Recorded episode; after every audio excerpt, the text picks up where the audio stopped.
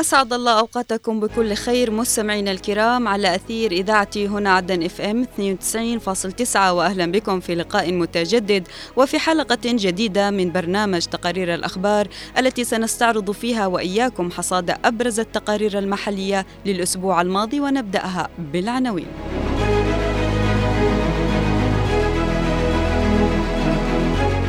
المجلس الانتقالي يستهجن توظيف مقابلة الرئيس الزبيدي مع بي بي سي بغير سياقها.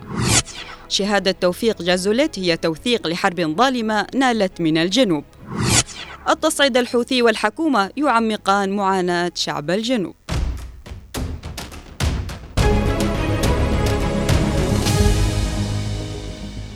قال عضو هيئة رئاسة المجلس الانتقالي الجنوبي لطفي شطارة إن إرادة شعب الجنوب في استعادة دولته والمشروع الذي يحمله الانتقالي بقيادة الرئيس القائد عيدروس قاسم الزبيدي هو المستهدف من نخب الشمال. وأضاف شطارة عبر موقع إكس تقرير البي بي سي ومخرجته نوال المقحفي يثبت استغلالهم للمؤسسات الإعلامية والمنظمات الدولية والمراكز البحثية ضد المشروع الجنوبي. المزيد من التفاصيل في سياق التقرير التالي. استهجن المجلس الانتقالي الجنوبي استغلال مقابلة الرئيس القائد عيدروس الزبيدي رئيس المجلس الانتقالي الجنوبي نائب رئيس مجلس القيادة الرئاسي مع قناة البي بي سي واقتطاع جزء منها وتوظيفها في غير سياقه حيث جاءت إجابته كجزء من مقابلة مطولة تناولت المشهد السياسي في الجنوب واليمن والمنطقة.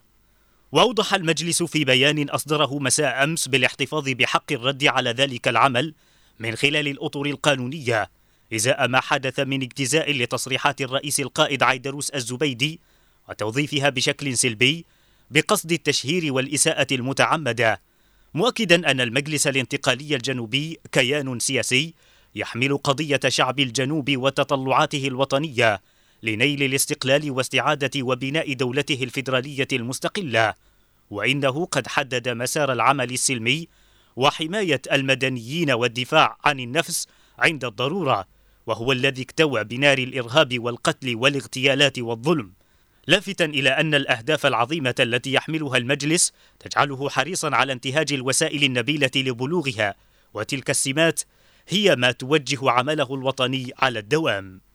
المجلس الانتقالي الجنوبي في بيانه دعا إلى إجراء تحقيق شامل وشفاف بشأن أي ادعاءات تتعلق بانتهاكات حقوق الإنسان والاغتيالات السياسية واستجلاب الجماعات الإرهابية وتوطينها وتوظيفها منذ مطلع التسعينيات حتى اليوم.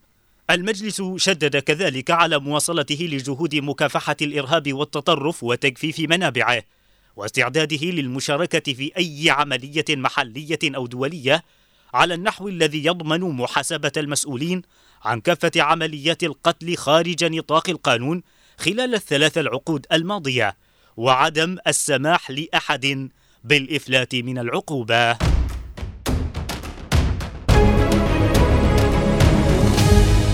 عقدت الأمانة العامة لهيئة رئاسة المجلس الانتقالي الجنوبي في العاصمة عدن لقاء موسعا بحضور الإعلام والأكاديمي المغربي الدكتور توفيق جازوليت الذي قال أن شعب الجنوب له حق مشروع باستعادة دولتها المستقلة وفقا للقانون الدولي. نتابع بقية التفاصيل في التقرير التالي. اجتماع مهم مليء بالرسائل عقدته الأمانة العامة لهيئة رئاسة المجلس الانتقالي الجنوبي في العاصمة عدن. برئاسة فضل الجعدي الأمين العام وبحضور الإعلامي والأكاديمي المغربي الدكتور توفيق جزوليت وخلال الاجتماع رحب الجعدي بالإعلام المغربي وقال إن جزوليت كان مدافعا عن قضية شعب الجنوب وشاهدا على المجازر التي تعرض لها شعب الجنوب من قبل نظام صنعاء بين حرب صيف 94 جازوليت بعث برسائل قوية حيث أنه مضى ثلاثة عقود من حرب 94 التي كانت بعيدة عن الدين والأخلاق ومخلة بالقانون والنظام الدولي. وأضاف أن شعب الجنوب تعرض لأبشع المجازر وأشد المعاناة من قبل نظام صنعاء من بداية الاحتلال إلى سنة 2015 مشيدا بخطوات الرئيس الزبيدي لتوحيد الصف الجنوبي التي عززت بقضية شعب الجنوب إقليميا وعالميا. وأوضح جازوليت أن المرحلة خطيرة وتتطلب جهودا كبيرة من أجل إيصال قضية شعب الجنوب إلى العالم. وشدد على أن شعب الجنوب له حق مشروع باستعادة دولته المستقلة وفقا للقانون الدولي. جازوليت لفت إلى أن دولة الجنوب كانت لديها العضوية الكاملة في الأمم المتحدة والجامعة العربية إلى عام 90 هذه الحقائق الدامغة التي وثقها جازوليت تؤكد أن الجنوب تعرض ولا يزال لحرب ظالمة من قبل القوى اليمنية المعادية التي تشهر بوضوح أسلحة العدوان الشامل ضد الجنوب. توثيق هذه الشهادات تحمل أهمية سواء على مستوى الداخل الجنوبي للمحافظة على روح النضال الوطني بين الأجيال بعدما تعرض الوطن لجرائم لا يمكن أن تسقط بالتقادم.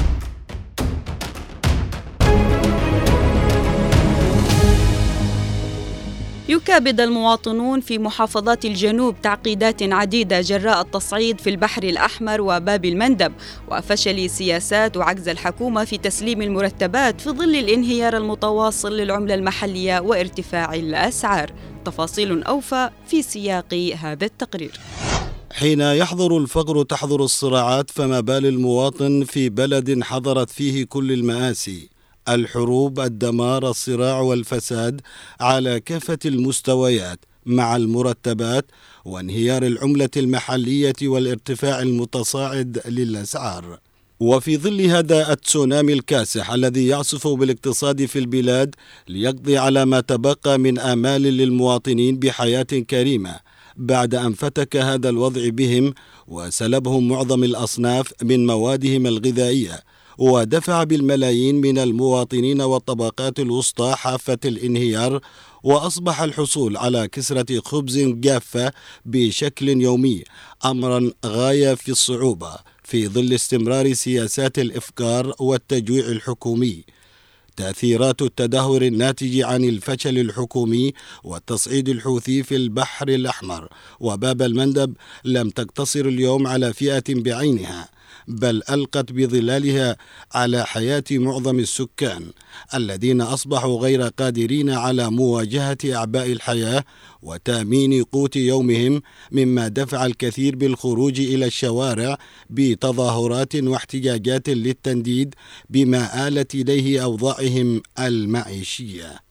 وأمام هذا التدهور المريع يتساءل المواطن اليوم إلى متى تستمر الحكومة في سياساتها التدميرية لكل آماله بالحياة الكريمة وإلى متى يستمر الصراع على حساب معاناة المواطنين.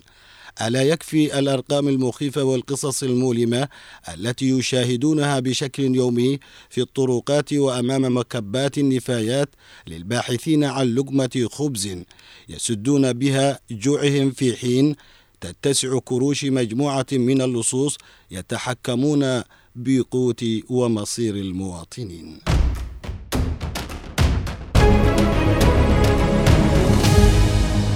مستمعينا الكرام إلى هنا نصل إلى ختام هذه الحلقة من برنامج تقارير الأخبار. كنت معكم من الإعداد والتقديم عفراء البيشي ومن الإخراج خالد الشعيبي. أطيب التحية إلى اللقاء.